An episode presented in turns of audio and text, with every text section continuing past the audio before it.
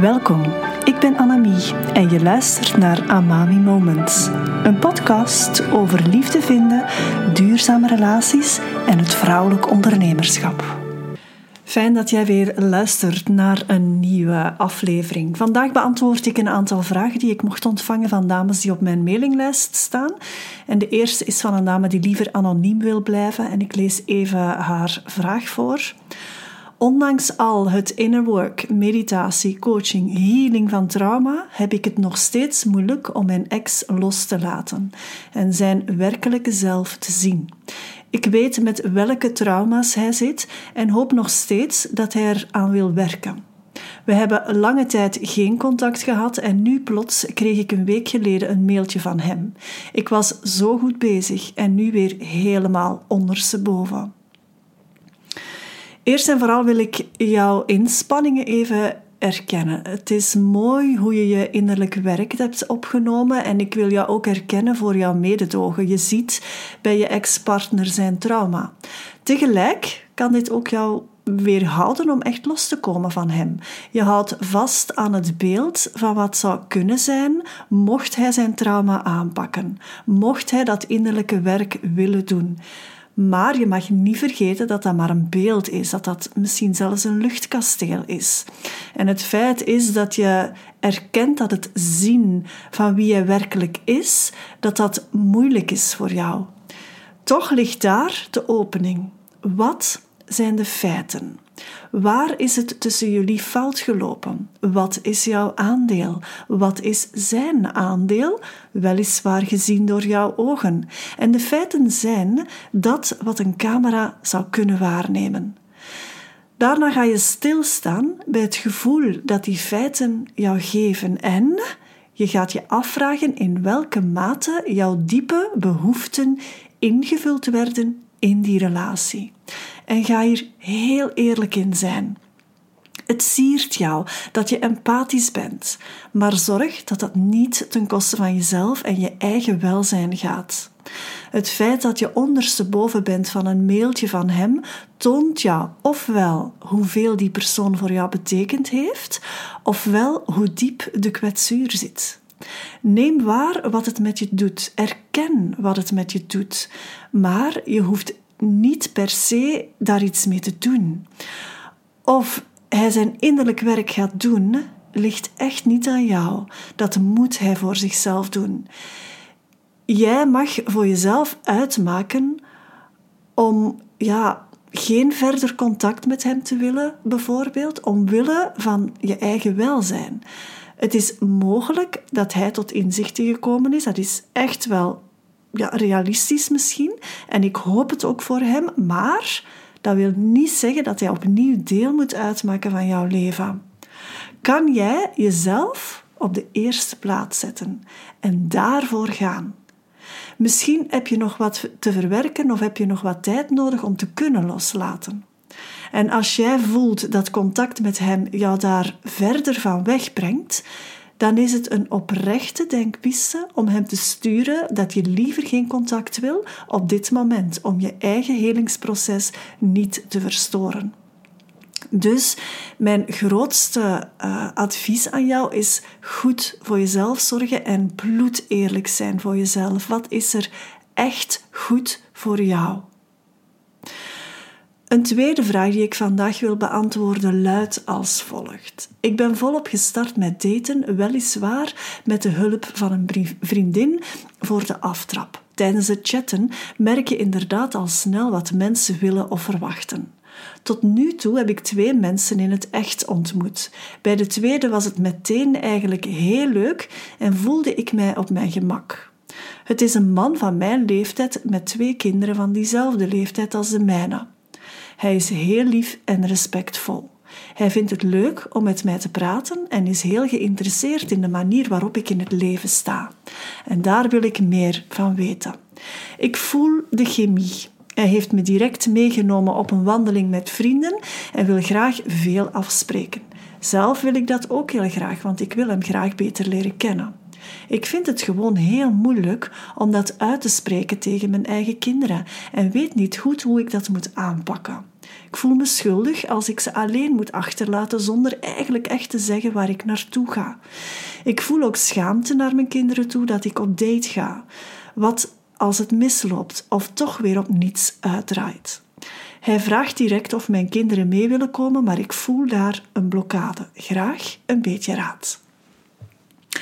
Laat me starten met zeggen dat je eerlijk mag zijn naar je kinderen toe, in die zin dat je hen vertelt dat je aan het daten bent en dat je volop wil uitzoeken of jullie bij elkaar passen. Je moet hen echter nog niet betrekken in de prille, ontluikende relatie. Je mag daar zeker nog een aantal maanden zelfs mee wachten. Afhankelijk van hoe oud je kinderen zijn, mag je daar zelfs langer mee wachten.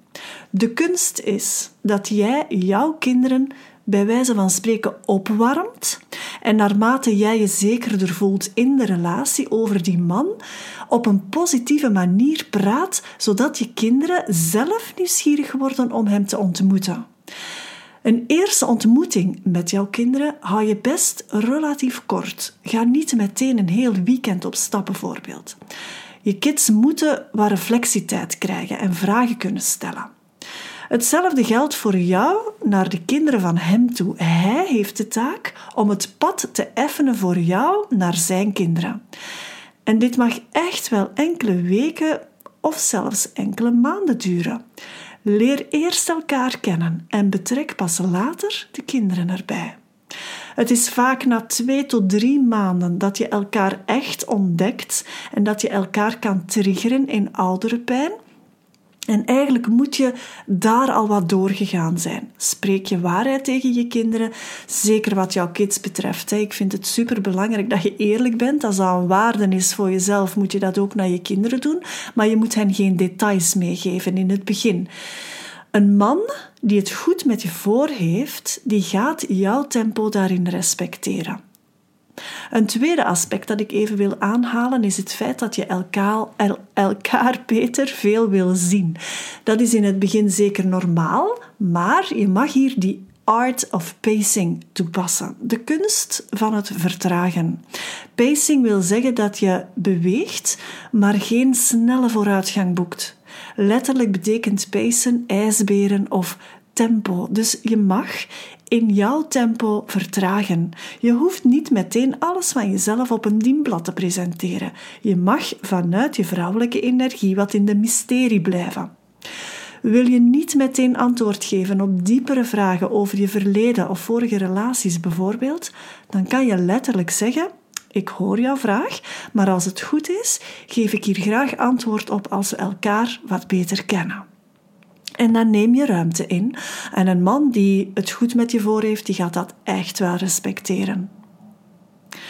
Een derde vraag, die komt van Isha en het antwoord um, sluit hier eigenlijk een beetje op aan bij het vorige. En Isha die schrijft: Ik saboteer mezelf door mezelf te snel te verliezen als ik eindelijk iemand zie die me echt aanspreekt. Ik wil de instant relationship. Als ik niet constant bevestiging krijg, leun ik veel te veel naar voor. Ik ga echt panikeren, overthinking, depressief worden. En dan teksten terwijl ik weet hoe fout dat is.